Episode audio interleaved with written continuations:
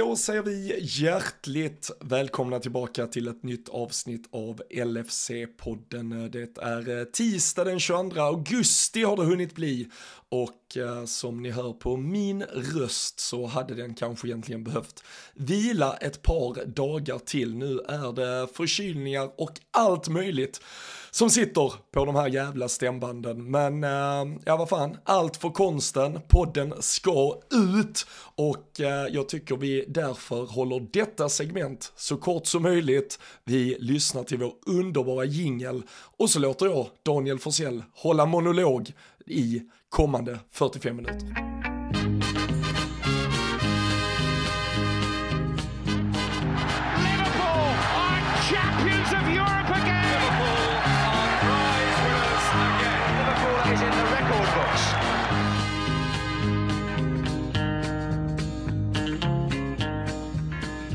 Ja, du äh, har ju redan fått en försmak äh, där vi äh, surrade ett par minuter innan vi tryckte igång här och du måste därmed förstå att det är som att vi ryker på en skada på vår lagkapten inför säsongstart och du får steppa upp och bära, bära bindel, ta ansvar och lotsa oss framåt för att vi ska överleva detta avsnitt. Ja men det känns som att man får ta, ta lite extra ansvar här ja, och det är väl... Eh, det, det, är väl klassiskt nu när semestrar är slut och eh, jobb och skolor och allt möjligt är igång då, eh, då dyker alltid upp en liten förkylning. Det brukar ju annars vara... Du har ju i och för sig haft din eh, resa här för bara någon vecka sedan tillbaka. Det brukar ju annars vara strax efter man har varit iväg på de här resorna tillsammans som, ehm, som förkylningar och sådana grejer brukar komma. Så eh, du, du kanske bara snarare lämnar ett försmak. Du tar dit nu. Tidig skada på säsongen och sen eh, löste ju laget sitt ändå. Så ökar du bara framåt sen. Ja, nej, vi får hoppas det. Nej, men det har varit en... Det var en, eh, en, en stökig förra veckan. Jag kom ju hem från eh, ja, men lite semester förra lördagen blev det ju där. Sen var man iväg på fotbollscup i 6-7 timmar. Söndagen Sen hade vi ju vår Chelsea-match och sen så har det varit så jävla mycket fotbollsmatcher så jag trodde ju bara att jag hade typ eh, skrikit i sönder eh, stämbanden. Men sen en efter en så eh, trillade de obligatoriska förkylningarna in i, i hela familjegänget här och nu sitter den på mina stämband och mm. då får man väl bara göra det bästa av saken. Men vi, vi har ju inget, alltså det finns ju inget språkande att prata om men det finns ju såklart ändå en, en insats plats och eh, till slut eh, tre poäng mot Bournemouth vi ska blicka tillbaka på. Eh, Wataru Endo har eh, blivit eh, officiellt klar sedan sist. Eh, frågan är vilken eventuell pusselbit som är kvar att lägga i det där lagbygget och så får vi väl spekulera lite i om Alexis McAllister bland annat är tillgänglig redan mot Newcastle till helgen. Var, var känner du att du vill börja med allt som rör vårt röda lag.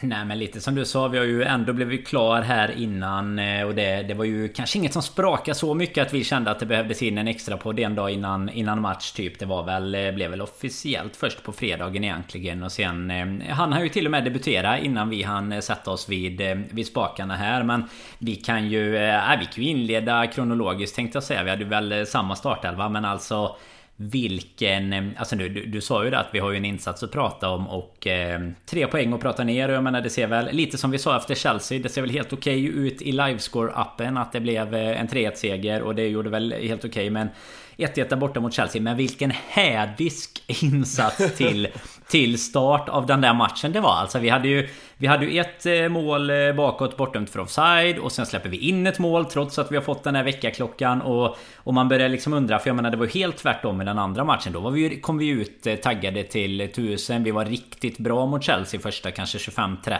tills vi själva fick ett bortdömt mål för offside och 2-0 där. Som, som kanske vände lite på steken i den matchen men, men här biter vi oss in till slut. Men det var ju ett... Eh, alltså ett, en sån... En sån väckarklocka ska man inte behöva få hemma mot Bournemouth. För jag vet inte vad vi... Vad man ska säga egentligen. Alltså nu, nu löser vi det såklart. Men jag menar... Man... Eh, fram tills typ... Alltså... Ja, ungefär lika långt in i matchen som det var... Vi var bra mot Chelsea 20-25 minuter. Så kände man ju att... Vi, vi... Alltså först tänker man ju så här, Vi kommer ju såklart vända det här. Vi har ju tid på oss. Men eh, 25 min så tänker man ändå så här, fan nu har det gått ganska lång tid av matchen här och vi har ju typ fortfarande inte haft en kvalificerad målchans liksom.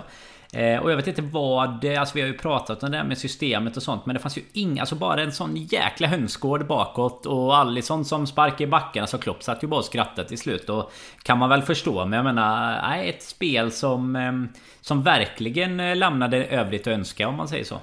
Ja, och nu, nu nämner du ju eh, alltså inledande 25 minuter mot Chelsea som faktiskt var väldigt starka, men då, de är ju kanske snarare då något, eh, som, något undantag som bekräftar en regel från, från fjolårssäsongen, framförallt där vi såg extremt svaga matchinledningar och eh, även några gånger där vi kom ut efter paus och var helt frånkopplade och man ja men så här, väldigt, väldigt enkelt bara ville känna att vad fan är det, är det attitydsproblem det har att göra med? Alltså, för det känns ju verkligen inte som att fotbolls, så här, fotbollstekniskt och kunskapsmässigt ska det egentligen inte kunna vara så här dåligt. Samtidigt så är det ju jätteoroväckande när vi nu någonstans är inne i det vi har kallat allt från eh, Klopp 2.0 till eh, Liverpool Reloaded och det är en revanschsäsong efter fjolåret där vi där vi borde studsa tillbaka, där vi borde ha jätteintresse i att visa vad Liverpool någonstans ändå kan stå för.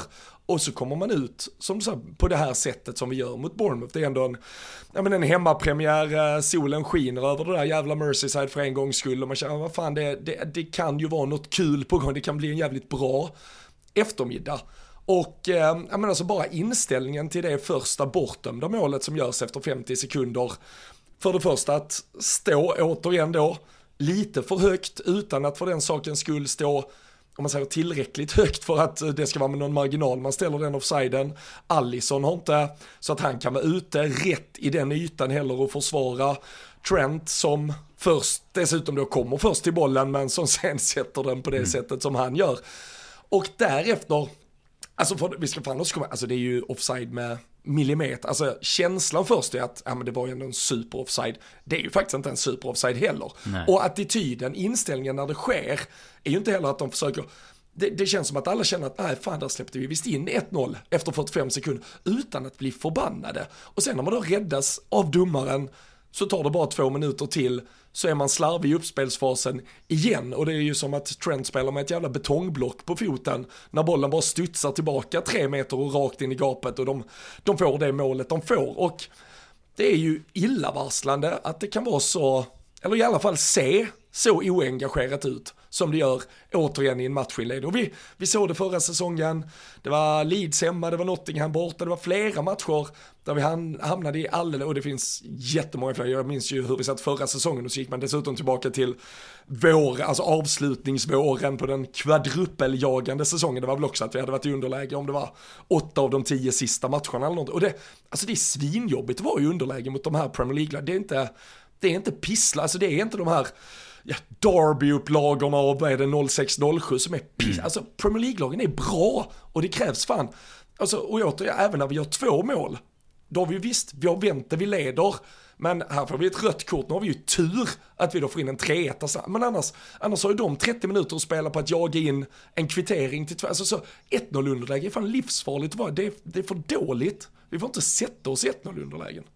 Nej men och det värsta där eh, tycker jag också är att du har ju Alltså dels faktorn som du säger Premier League-lagen är ju tillräckligt bra för att det ibland inte kommer gå att lösa en vändning. Men Jag tycker också att du har alltså det här klassiska surret om att eh, Både Anfield-publiken och engelska arenor och allt vad det nu är om man ska gå in på den biten så Så du dödar ju också all möjlighet till eh, stämning och eh, Ja men som vi var inne på förra veckan lite i spelet så är det ju en viss typ av momentum och Och på läktaren är det en annan typ. Jag menar visst nu var det hemma premiär kanske höjer något men Bournemouth hemma annars vet man kanske en lite halv halvsömnig eh, inställning från start på, på läktarhåll. Jag menar det blir definitivt inte bättre av att du släpper in först ett offside-mål och sen ett, mål, ett, ett, ett, riktigt mål om man nu säger så då nej, efter bara tre minuter hunnit, liksom. Alltså, nej men vissa har inte hunnit sätta sig och så ska du börja, alltså du är inte aspepp på att ställa dig i stolen och skrika allé, allé, allé med halsduken när ni ligger under med 1-0 hemma mot Nej men exakt, ex, så exakt du, så. Du, jag menar, allt.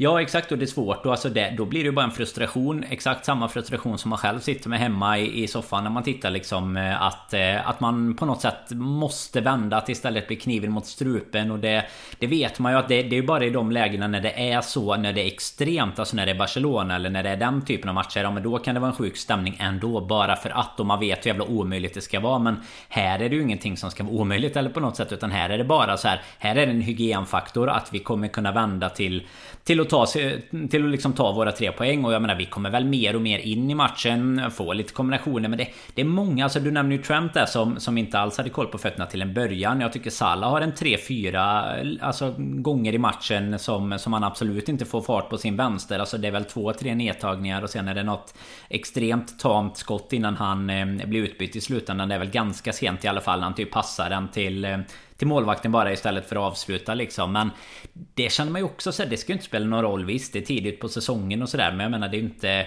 Det är lite som vi pratade om sist. Du kan liksom inte känna att vi på något sätt ska jobba oss in i säsongen så här tidigt. För nu, det är ju det vi har försäsongen till. Nu ska vi ju vara redo. Och som sagt, till syvende och sist vinner vi. Vi gör 3-1 trots att vi får en, en väldigt tveksam utvisning mot oss. Men det är ju liksom inte med någon sorts känsla av... Eh, Säkerhet och bravur liksom man gick ifrån den matchen utan det var ju snarare så här, fan det, det, såg ju skakigt ut alltså. Och nu åker vi till Newcastle till helgen.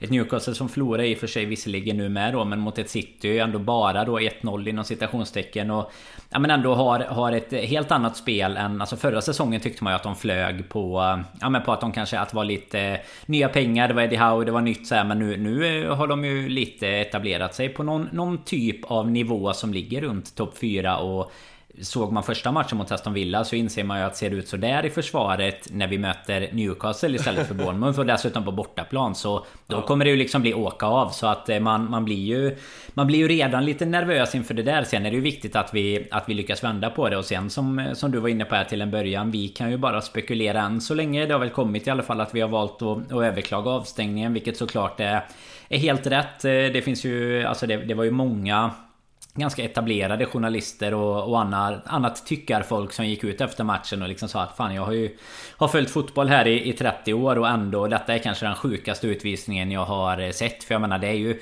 det, det, är så här, den enda gången jag skulle kunna hitta ett rött kort där Det är på de vi pratade om så mycket om förra säsongen Det är när du ska jämföra VAR Om du bara ska titta stillbild liksom Men här är det ju inte ens Här är det ju att han tar rött kort innan vi ens hunnit komma till den situationen att vi ska titta stillbild. För jag menar, tittar du stillbild, ja men då är det dubbar mot, eh, mot fot liksom. Annars är det ju så här en tackling. Båda går in lika hårt ungefär, fot mot fot. Det är inget konstigt. McAllister till och med drar tillbaks lite. Vem det nu än var han, han sparkar på kommer jag inte ihåg, men som fullföljer lite. Alltså det, det är ju ingen som någonstans tycker att det ska vara ett rött kort innan domaren ska göra vad domarna i Premier League just nu gör. De ska spela alla, de ska vara på största scenen. Alltså det är en så, och det, det, kan vi ju bara dra vidare till alla andra matcher med. Det är så otroligt låg nivå. Vi, det är tråkigt att behöva sitta och prata om det varje vecka, för det gjorde vi efter Chelsea med. Men det är helt, alltså de bara överträffar sig själva med domslut och det ja, finns ingen, du, du vet vad vi ingen kontinuitet. Vi, vi, vi, vi, ska inte fastna i dumma diskussioner. Nej, vi får fan inte göra det. Men det, det här med att de liksom inte har någon kontinuitet. Vissa saker i ena veckan och det är som att de har så olika regler på helgerna mot veckodagarna. Alltså det, det funkar ju inte och då uh, hoppas jag ju att de bara tar... Uh, att de kan ta sitt förnuft i fånga här och lyckas ta bort uh, de här matcherna avstängning i alla fall. För annars sitter vi ju med... Ja det är väl i och för sig, nu har vi ju ändå då som kan gå in men sitter ju med våran... Störst, en av de största kreatörerna såklart. borta även om jag tycker att Soboslaj gjorde en en bra match. Men han, han visar ju verkligen det här ja, som vi har saknat från mittfältet. Soboslaj är ju bäst på planen tycker jag. Han visar, han visar ju verkligen det vi har saknat från mittfältet. När vi hade vårt eh, så kallade arbetarmittfält så, så älskade vi dem av andra anledningar. Men han, han har ju den kreativiteten och den eh, påhittigheten som som vi har saknat egentligen ända sen i alla fall en Coutinho. Eh, alltså våga ta in i straffområdet. Vi får en straff eh, Tacksamt nog då att han var precis i hörnet på straffområdet Men jag menar den, den positionen har ju fasen knappt eh, En Henderson, en Wijnaldum, en Fabinho. Alltså de har ju inte ens varit i straffområdet och då Då blir det inga straffar heller liksom. Så att eh, jag tycker att han gör en Han gör en riktigt eh, frisk insats och, och, känns väl som att den, den som man kanske var lite så här till en början av säsongen Att är det han som Av honom och McAllister kändes det som att det är han som kanske kommer behöva jobba sig in. Men jag tycker att han verkligen har, har tagit kliv direkt här och visar att han eh, men att han cementerar en plats där och att det är andra, andra ställen vi behöver fylla på om det nu är, är något som ska göras här sista veckan av, av fönstret också. Nej, 100% han, eh, alltså den där den där halvtimmen när vi är väldigt bra mot Chelsea så är ju han bäst. Det, det visar ju hur, eh, alltså hur betydelsefull han kan vara för ett, eh, för ett lag när det ska ja, men vara kreativt eh, framåt och eh, som du säger, han fixar ju straffen här. Det är ju han som tar skottet som eh, leder till att Jota trycker in 3-1 mm. målet. Han, eh, ja, men han bryter lite mönster och eh, nej, jag tycker han är klart bäst i eh, den röda tröjan. Och sen bara för att stänga kring utvisningen så, alltså så här, jag tycker inte, jag är ju inte lika mycket på som du är och många andra kring att det är helt, helt fel från början. Eh, jag, jag, jag, kan köpa, alltså problemet är ju att den typen av tackling oftast inte ger rött kort, trots att du säkert har fog i regelboken för att ge rött kort när någon sätter upp sulan. Så, så det är ju snarare i förhållande till sample size du har på på andra liknande incidenter och det var någon som var inne på att det finns ju fyra, fem från, från bara den här helgen och det var några liknande även igår i Crystal Palace Arsenal som, som blir gult kort för du, för du ger ju det i regel. Och hade du haft lite gammal hederlig fingerspitzgefühl så ger du ju gult kort när ingen reagerar. Alltså det är ingen som jagar på för ett rött kort i den här situationen så skapa inte det genom att själv hala upp det. Sen är det ju ett problem nu med tanke på att vi har en stor äh, generationsväxling på domarfronten i Premier League. Äh, alla de här gamla kufarna ska ju nästan ut, många nya unga ska in som gör sina första matcher, framförallt där de dömer storlagen. Och om FA eller fan vilken jävla organisation det i slutändan är som tar beslut kring alla de här överklagandena går ut och ger klubbarna rätt så hänger de ju lite de här unga domarna som nu ska ges chansen. Så uh, vi får väl se, det har ju förr varit att man kan få en extra matchbestraffning ifall man överklagar och den inte går igenom och nu Kanske man har fått resultatet när folk lyssnar på detta men jag hoppas ju inte att vi överklagar utan att känna att vi har ett eh, bra case för att få igenom den här överklagan eller att man i alla fall känner att man har fog för att förkorta det som annars, vad jag antar är alltså när det är ett eh, rött kort till följd av om man säger våldsamt spel så ska det vara tre matchers avstängning mm. så såvida inget annat sker så, så är det ju tre matcher men att man kanske kan få det nerkortat till en eller någonting att han spelar mot Newcastle har jag egentligen svårt att se men eh, vi, vi får se hur det blir med det. Men eh, Sportsligt, spelmässigt, prestationsmässigt så tycker jag också att eh, något man kanske bör diskutera nu när du är inne på det här med att eh, Choboslay ändå står för en stor del kreativitet. Det är inte det där arbetarmittfältet det en gång var, det är heller ett, inte ett så svagt mittfält som det stundtals var förra säsongen. Är det inte bättre att gå tillbaka till att spela fyrbackslinjen som vi alltid har spelat fyrbackslinje och se Andy Robertson och eh, Trent Alexander-Arnold storma fram på varsin kant än att eh, Trent ska invertera och Andy Robertson ska stå och undra vad fan som händer på en fotbollsplan. För just nu så tycker jag att han är så jävla dålig och jag tycker mm. ändå inte vi får ut så mycket av att Trent går upp i den ytan när där är andra fötter som är minst lika bra på att behandla bollen. Nej men det känns också som att han eh, slutade lite med det i, i matchen här. Alltså jag vet inte om det var kanske efter en halvtimme eller 20 minuter eller någonting. Att det känns som att vi inte kanske gick helt tillbaka till att eh, trycka fram honom och Robertson på varsin kant på samma sätt. Men ändå lite mer eh, liksom kontrollerat på något sätt. Och jag, jag tycker också att skulle det nu vara så att vi får starta vad tar du ändå till exempel nu då i, i McAllister frånvaro. Du har ändå då en sexa som, som faktiskt är en sexa. Alltså då, då eh, tycker jag verkligen att vi ska gå tillbaka till det mer klassiska. Och jag menar just nu så hade det ju inte heller... Alltså då när vi bytte till den inverterade mm, ytterbacken. Då kändes det som att vi delvis gjorde det för att vårat spel var ganska läst. Alltså det var ganska sönderläst vad våra spelare skulle göra. Vilket nu tror jag inte hade varit fallet riktigt för att du inte vet vilket typ av spel vi kommer spela. Sen tycker jag ju att Även om vi, alltså vi har ju en Mohamed Salah som har bidragit med Framförallt assist på försäsongen, assist i första och nu då ett mål på straffreturen här men Alltså tycker inte att han kommer om du kollar på så här lite heatmaps och så. Alltså han kommer inte riktigt lika mycket till sin rätt när han eh, liksom får slicka linjen där ute. Framförallt inte när han inte har den hjälpen. Alltså när, när han och Henderson, eller inte Henderson, men han och eh, Trent har fått jobba tillsammans framförallt och tillsammans med en mittfältare. Alltså då kommer han mycket mer, alltså det blir mycket mer kombinationer som han blir inblandad i. Nu kommer han in centralt lite i den här matchen också och blir liksom en... Får inte riktigt ut lika mycket av, eh, av honom heller och det är ju han vi vill få ut mest utav. Alltså det är ju våran, våran eh, absolut bästa spelare och det är ju han vi vill sätta i spel så mycket som möjligt. Så att tycker absolut inte det hade varit fel att i alla fall prova att komma tillbaka till det. För då har vi dessutom en mittfältare som, eh, ja, men som kan ta på sig det defensiva ansvaret eh, till, eh, till fullo om man säger så. Så har du, har du två stycken framför då som får, ja, men får jobba lite mer offensivt men givetvis hjälpa till defensivt med. För jag tycker att vi hamnar lite i samma sak som jag tror, om jag minns rätt så var du inne på det lite förra veckan att det blir inte heller så med en McAllister som, som sexa att du, du kan liksom unleash the powers på, på de andra framåt. Utan då blir det att de istället hamnar i något sorts mellanläge. Vi hade ju en, en Gakpo till exempel i, i första matchen där som inte syntes eh, någonting egentligen. Och det, det, blir ju lite så på grund av att du kan varken gå 100% framåt och sen vågar, alltså tar du två kliv ytterligare för långt bak mot vad, vad du kanske egentligen borde göra i pressen bara för att du vet att du inte riktigt har en spelare som är van på den positionen. Så att eh, nej, det hade väl inte varit fel. Och framförallt då eh, för att, att, ta ut det sista av, eh, av hela taktikdiskussionen så är det ju precis det som du är inne på där. Alltså det är ju för att Andrew Robertson också ska kunna vara, vara en fotbollsspelare igen. Det är ju ja, bara men se till... behöver vi inte spela, alltså ja, i den här nej, men det är bara, det är bara att ta in... Nej men det är bara att ta in någon, någon ny eh, här med en vecka kvar. För jag menar vi hade, vi hade kunnat ta in en... Vi hade inte ens behövt ta in en, en Guardiol, liksom en, en mittback av världsklass för att få någon som kommer funka bättre i positionen. För det är ju... Jag såg någon diskussion, jag tror att det var våran... Vi, vi refererar ju ibland till Simon Brundish. Jag tror att han la upp något mm. så här. Vem är det som eh, har fått mest utväxling som spelare tack vare Klopp? Liksom, då var det lite diskussion så här. Salah tyckte ju många, men det var så här. Ja men är det Klopps förtjänst eller är det mer Salah som har tagit sig till en ny nivå? Då var det ju väldigt mycket prat om, eh, om en Trent och om en Robertson framförallt. För jag menar du, du har ändå en Andrew Robertson, kommer 8 miljoner pund ifrån Hull liksom. Där där du har ja, men fått ut honom på sin vänsterkant till att vara ja, men i stundtals liksom världens bästa vänsterback och framförallt den som har, har bidragit med både mest poäng och, och liksom eh, ja, men varit, vad ska man säga, viktigast för systemet om du ska jämföra med andra vänsterbackar.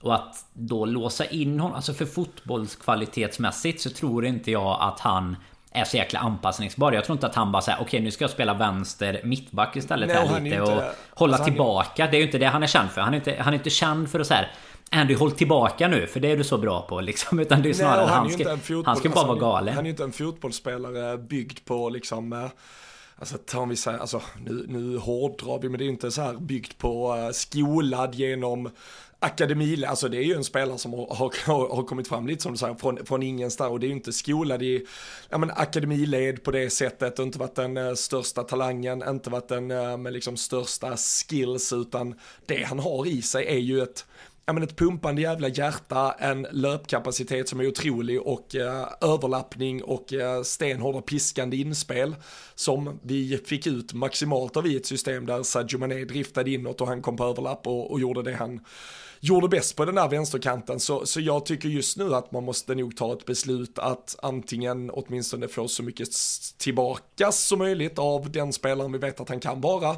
Eller så, som du säger, så, så måste vi acceptera att det nog inte är han som är svaret på vår vänsterbacksposition framåt och där där tycker jag, alltså i, i, brist på annat och i väntan eventuellt på annat i alla fall, att vi, vi kanske ska, eh, och sen om det är mot Newcastle borta vi ska göra den taktiska förändringen, det vet jag inte, men men med ett mittbackspar, med en Vataruendo som vi vet är dels eh, otroligt bra i eh, huvudspelet, han är en ja, men, positionssäker spelare, han kommer kunna bryta väldigt många av de här anfallen som vi har sett en Fabinho i sina bästa dagar göra. Då kanske vi ska låta de två mittbackarna tillsammans med Endo hålla den där defensiven. Kanske ska piska på Trent Robertson på varsin kant så att eh, Luis Diaz och Mohamed Salah får göra det som de, de gör bäst. Nämligen att bege sig in centralt från sina ytterpositioner. Vi har där i den mitten då ändå till exempel en Soboslaj och en McAllister eller en Gakpo. Det kan ju spela någon form av eh, 2-1-4-3 uppställning i offensiven där Trent och Robertson piskar på på kanterna. För jag som det ser ut nu så tycker jag inte det blir eh, bättre. Och jag tycker vi lämnar för mycket yta bakom Trent när han då går upp i mitten eller utanför honom. Och eh, jag tycker inte vi, vi kommer upp i tillräcklig press på den där vänsterkanten där Robertson står lite, lite för djupt och inte vet riktigt om han ska kliva på eller stanna hemma. Så det Taktiskt finns det nog en del att uh, tänka på för Klopp. Och han måste nog ta beslut riktigt uh, om det är de här uh, typ 11 spelarna han har nu han vill starta så ofta som möjligt och då får han nog eh, ja, men, anpassa spelsystemet lite efter det. Ja, men jag tycker bara det att titta också och tänka sig eh, ett steg framåt så här om Robertson skulle lämna idag och du hade sett en eh, så här video, hyllningsvideo till honom. Vad hade du sett på den liksom? Det hade ju inte varit uppspelsfoten från, från mittbacksposition vänsterkant liksom, utan det är ju ett, eh, ett jäkla pulsande på vänsterkanten. Alltså riktigt så här han hade ju, hade han spelat svensk division 5 fotboll hade han ju kallat sig grävan bara. Han hade ju bara grävt på vänsterkanten liksom. Bara pulsat upp, ner. Du har inspelen, du har assisten och du har liksom ett, eh, ja men som du sa, ett jäkla hjärta egentligen. Där du bara har en spelare som som du vill, det är ju han du vill ska stå och brinna Eller du vill att alla ska stå och brinna Men alltså efter det som händer till, till en början mot Bournemouth Och han känns det, det, är snarare som att han så blir lite bortkommen i det här utan eh, Och jag, jag hoppas ju att det fortfarande finns så jäkla mycket fotboll kvar i honom egentligen Och att vi skulle kunna Kanske vända tillbaka till att nyttja Alltså för det var ju det som var så, så stor del av våran framgång Till att nyttja han och Trent på varsin kant. Och nu med en Soboslaj och en McAllister i, i laget också så tycker inte jag att eh, det, det, blir liksom inte så att vi behöver ha den här Trent, alltså det som var så framgångsrikt under våren Att hans passningsfot var, var lite De Bruyne-aktig från mitten Den kanske inte behövs lika mycket, bollen kommer, alltså då skulle ju bollen vara på hans fötter hela tiden. Nu kommer den ju inte att vara det, nu kommer vi inte vilja hitta Trent hela tiden i en sån position. Och då är frågan om inte den är lite, alltså att, att vi inte har värvat oss ur det bekymret lite om man säger så. Ja, och spelar vi med Jota centralt dessutom, vi vet ju hur jävla stark, alltså talar ju nästan emot när vi väljer den lite mindre anfallaren i förhållande till Darwin Nunes, men Jotas huvudspel vet vi också Absolut. hur otroligt det är uh, att piska in bollar på den. Den skallen uh, är ju inget uh, dumt alternativ heller, så nej, vi får se. Jag, jag tycker att, jag tycker i alla fall det är redan efter, eh, som du säger, vi börjar kanske se förändringar eh, redan här då i första matchen, men, eller i andra matchen här mot eh, Bournemouth. Men så här tid på säsongen tror jag vi står lite i ett eh, vägskäl kring om vi eh, skulle omforma. För den där omformationen, det, det, var ju också mycket vilken typ av mittfältare vi skulle värva under sommaren som i så fall skulle vara optimala för det där. Det var om vi skulle ta in den här vänsterfotade mittbackslösningen och det pratades, eh, ja såklart löst kring vardiol men också en Levi Colwill till exempel. Då, då var det något annat. Nu, nu står vi med en annan besättning och då tycker jag att eh, vår kloppkapten får eh, fundera lite kring hur han ska eh, få ut eh, maximalt möjligt. Eh, vi, vi har gått igenom den ganska trista och dåliga inledningen. Vi har pratat om det röda kortet. Comebacken uh, iscensätts ändå av uh, mål från alla i den där fronttrion. Uh, Mohamed Salah kanske då med mest hjälp. Han missar en straff igen mot Bournemouth. Uh, Netto mm. gamla det är väl lagkompis från Fiorentina-åren tror jag. Ja, det känner man, det känner man ju igen sen sist ja. Men det känns väl kanske som att Luis Diaz ändå är den som är hetast av de tre. Eh, snyggast mål väl och uh, han var ju även uh, rivig redan i premiären. Nej men absolut eh, snyggast mål och eh, som du säger två mål på två matcher är ju eh, otroligt för att, alltså det, det, som folk var kritiska mot tidigare alltså det har ju varit att hans eh, Ja men att det inte kommit kanske slutprodukten Det kommer inte poäng på samma sätt som ifrån Alltså du, höga krav att jämföra med Mohamed Salah Men om du även jämför med de som har spelat tidigare då som Bobby Firmino och eh, Sadio Mané men nu kommer det ju mål och det kommer ju, alltså det här målet är ju riktigt tekniskt eh, briljant. Alltså han lobbar upp den och eh, skjuter innan bollen liksom faller också om man säger så. Så att det är ju det är ett jättebra mål som han eh, han står för och jag tycker det är samma mot Chelsea egentligen. Då är det en jättebra passning av Salah med men han är ju i helt rätt position och kommer glidande där egentligen. Så att visar ju, visar ju verkligen både form och eh, ja, men att han har kommit in helt rätt i säsongen. Och det finns väl ingenting egentligen just nu som Ja men med, med då Jotas, eh, som du ser, det är Soboslaj som skjuter och en ganska enkel retur för Jota. Men han är ju inblandad lite annat med Salah på straffretur och, och, lite andra lägen som hade kunnat gå bättre. Så eh, känner väl inte jag att det inför Newcastle finns någon, någon jätteanledning att ifrågasätta hur, eh, hur det ser ut framåt. Jag hade aldrig gissat inför säsongen att det skulle vara Jota som var våran startspelare framåt så men Tycker inte att framåt tycker inte jag att det finns någon jättestor anledning till att förändra annat än taktiskt då utan bara bara köra vidare och eh, kul också att alla får ja, men får bidra ganska fort. För jag menar det vet vi ju sen gammalt hur jäkla viktigt det är att de får göra sina mål. Och även om Salah missar en straff så är det ju otroligt viktigt både i, i matchen såklart i, i det läget. Men också för honom att han får öppna, öppna målkontot ganska så snabbt här också. Så eh, det, det är väl bara att, att tugga på framåt tycker jag. Och det är ju kul som fasen om Diaz också kan få får fortsätta bidra på det sättet. Lite bli, bli en eh, uppskruvad Sadio Mané här på vänsterkanten. Mm. Vad, uh, vad tycker du om uh, Cody Gakpo? Den som kanske fick åtminstone offensivt mest mm. kritik mm. mot, mot Chelsea. Att han inte alls kom till sin rätta i den där offensiva mittfältspositionen. Hur tycker du han presterar mot Bournemouth?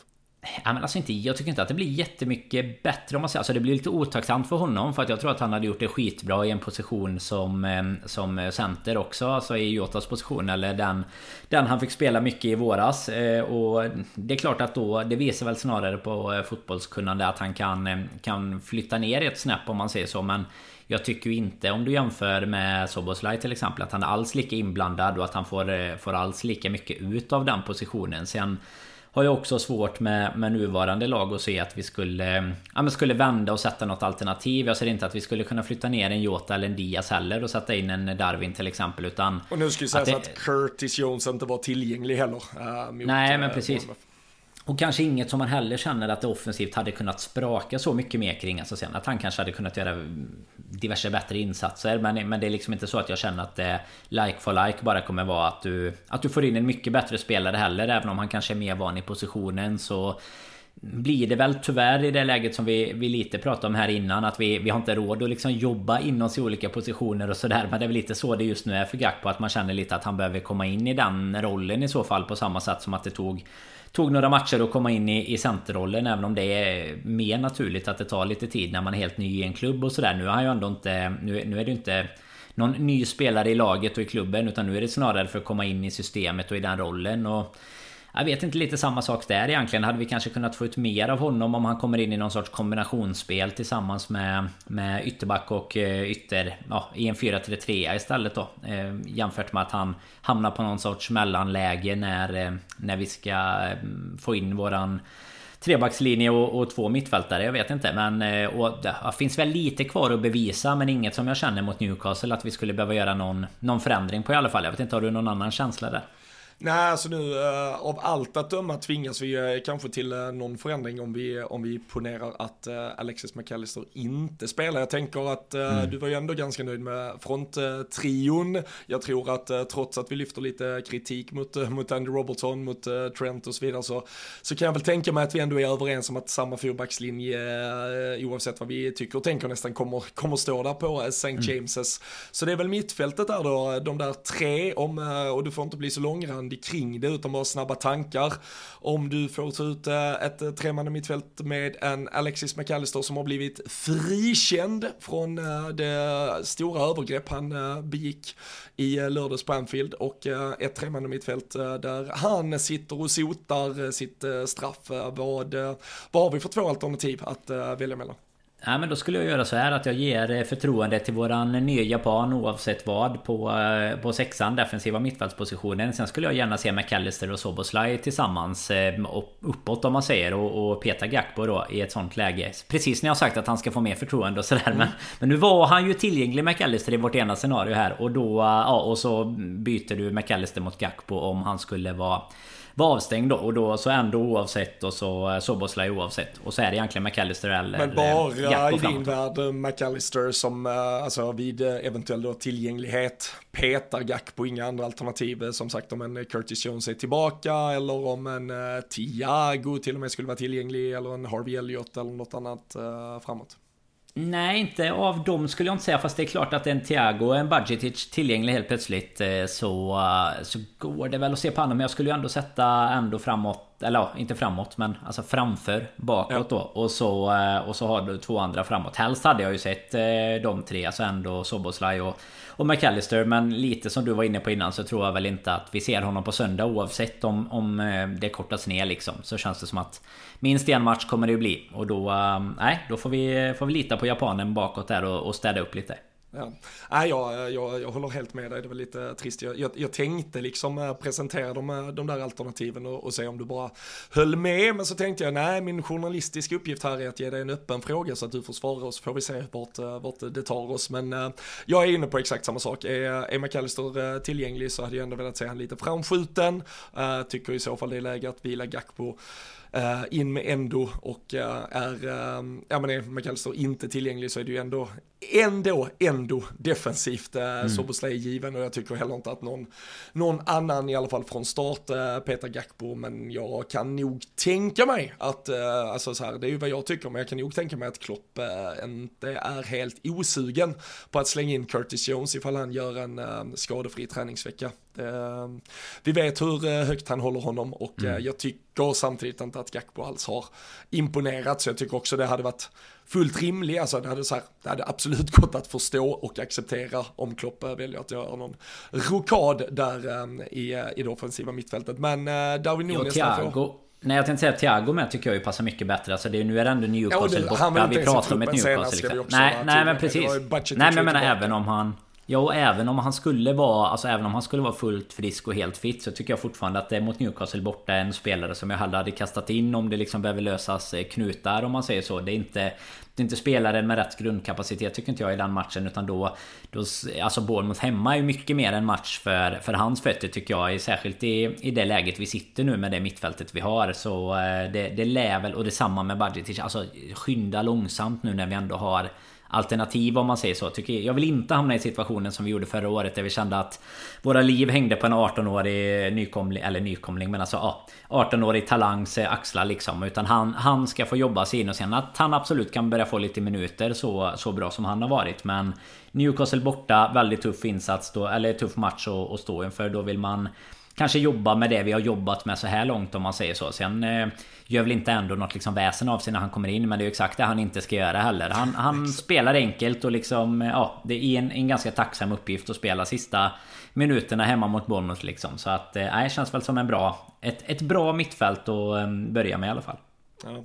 Skrämmer det dig någonting att eh, Alexis McAllister går i samma fotspår som eh, Joe Cole och Darwin Nunes mot att ta rött kort Alltså man, man hann ju i alla fall tänka på eh, Cole tänkte jag fastän inte tillbaka till Men jag tänkte ju på, på Darwins läge och vad som framförallt kanske vad som hände med säsongen. Inte så mycket vad som hände med med honom utan vad som hände med säsongen efter det. Och det var väl det som snarare skrämde lite. Nu hoppas jag väl att vi har täckning men inte det, vi har ju inte Som vi är inne på, alltså vi har ju inte bara ett rakt byte eh, Till exempel att han hade kunnat ta en Alltså att ändå tar hans position eller att han hade kunnat eh, ta Gakpos position Framförallt hade jag tyckt var en rejäl upp, eh, uppgradering så som det har sett ut nu men Nej, det blir en, det blir en tuff insats. Det är, väl ingen, det är inget gott tecken i alla fall. Och det är inga, inga fotspår man vill kliva i. Utan han får väl vara så här tredje gången gilt nu till att hamna på rätt köl efter det.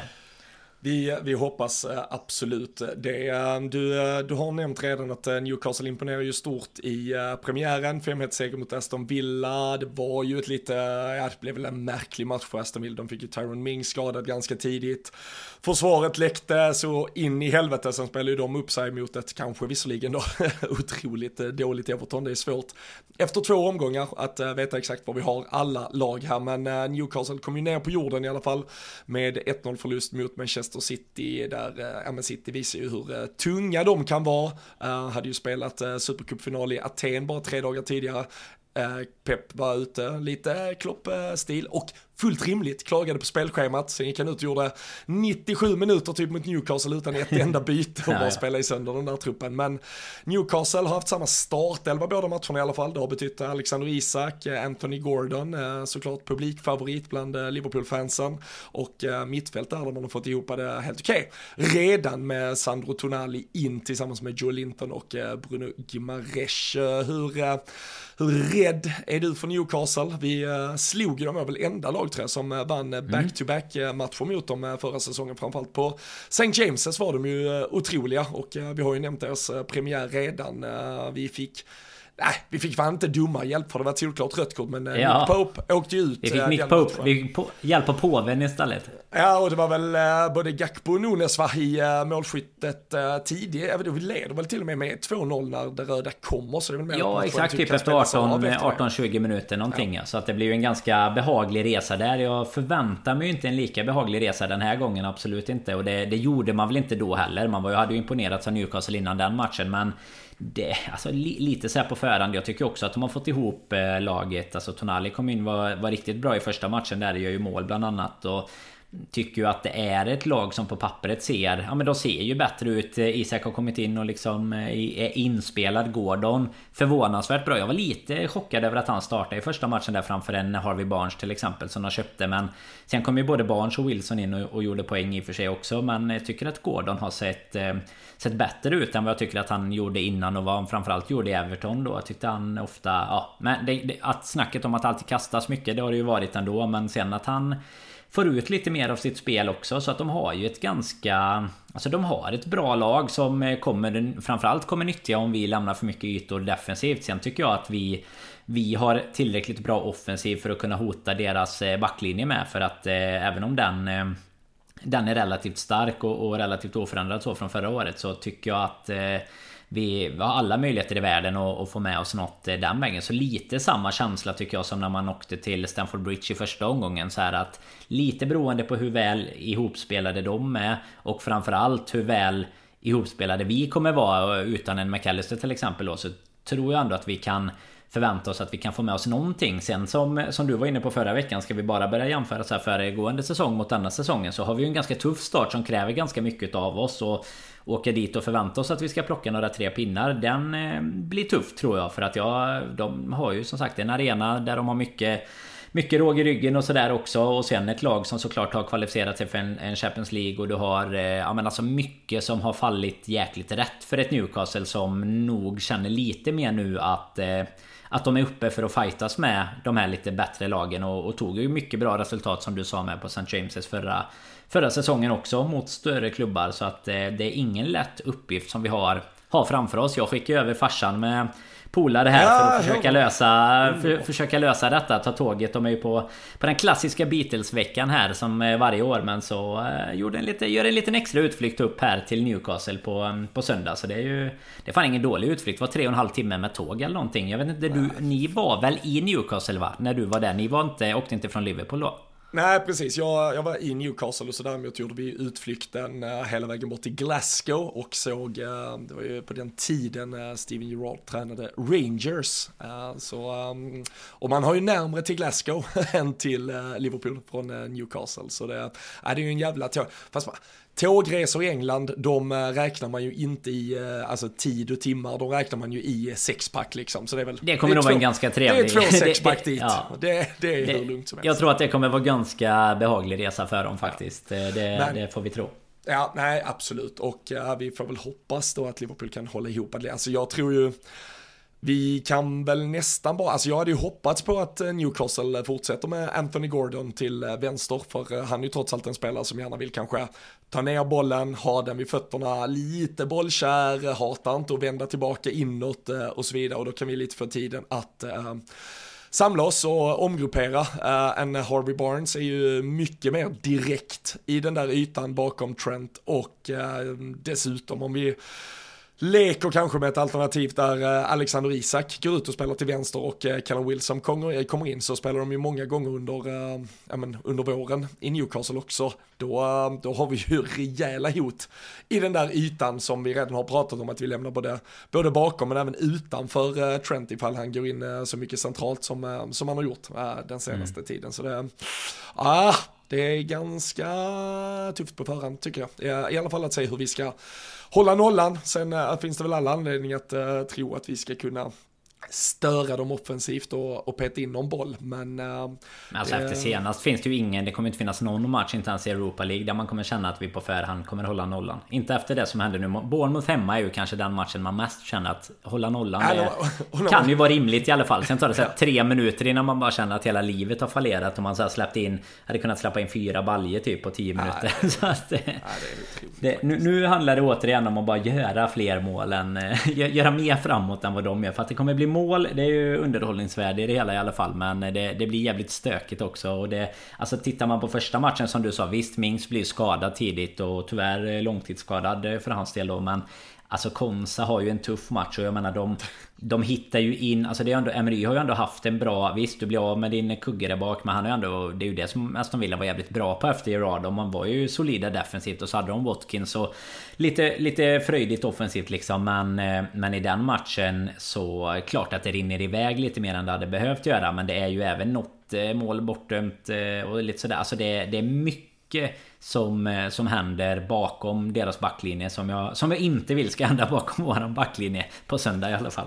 Nej, vi får uh, hoppas att Klopp och eh, gänget har suttit och studerat den där matchen. För det var, det var mycket, som du säger, många vinklar där man uh, petade in bollar mellan uh, mittback och ytterback. Och det, det, vet vi också är en yta som vi tyvärr tenderar att blotta ganska ofta. Så vi får hoppas att Liverpool kan hålla ihop det. Söndag eftermiddag är det alltså Newcastle som väntar borta på St. James' Park.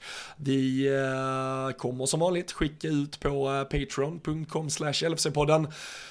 våran tipstävling och eh, som vanligt boostat med eh, prisbord från eh, Sam Dodds. Snackade lite med grabbarna på Sam Dodds här tidigare idag. De packar och laddar för en helg i Karlstad. Där var ju vi förra året Danne. Detta ja, året stämmer. får vi inte ihop den logistiken. Men det är ju Liverpool Masters så det är väl en 300-400 i alla fall.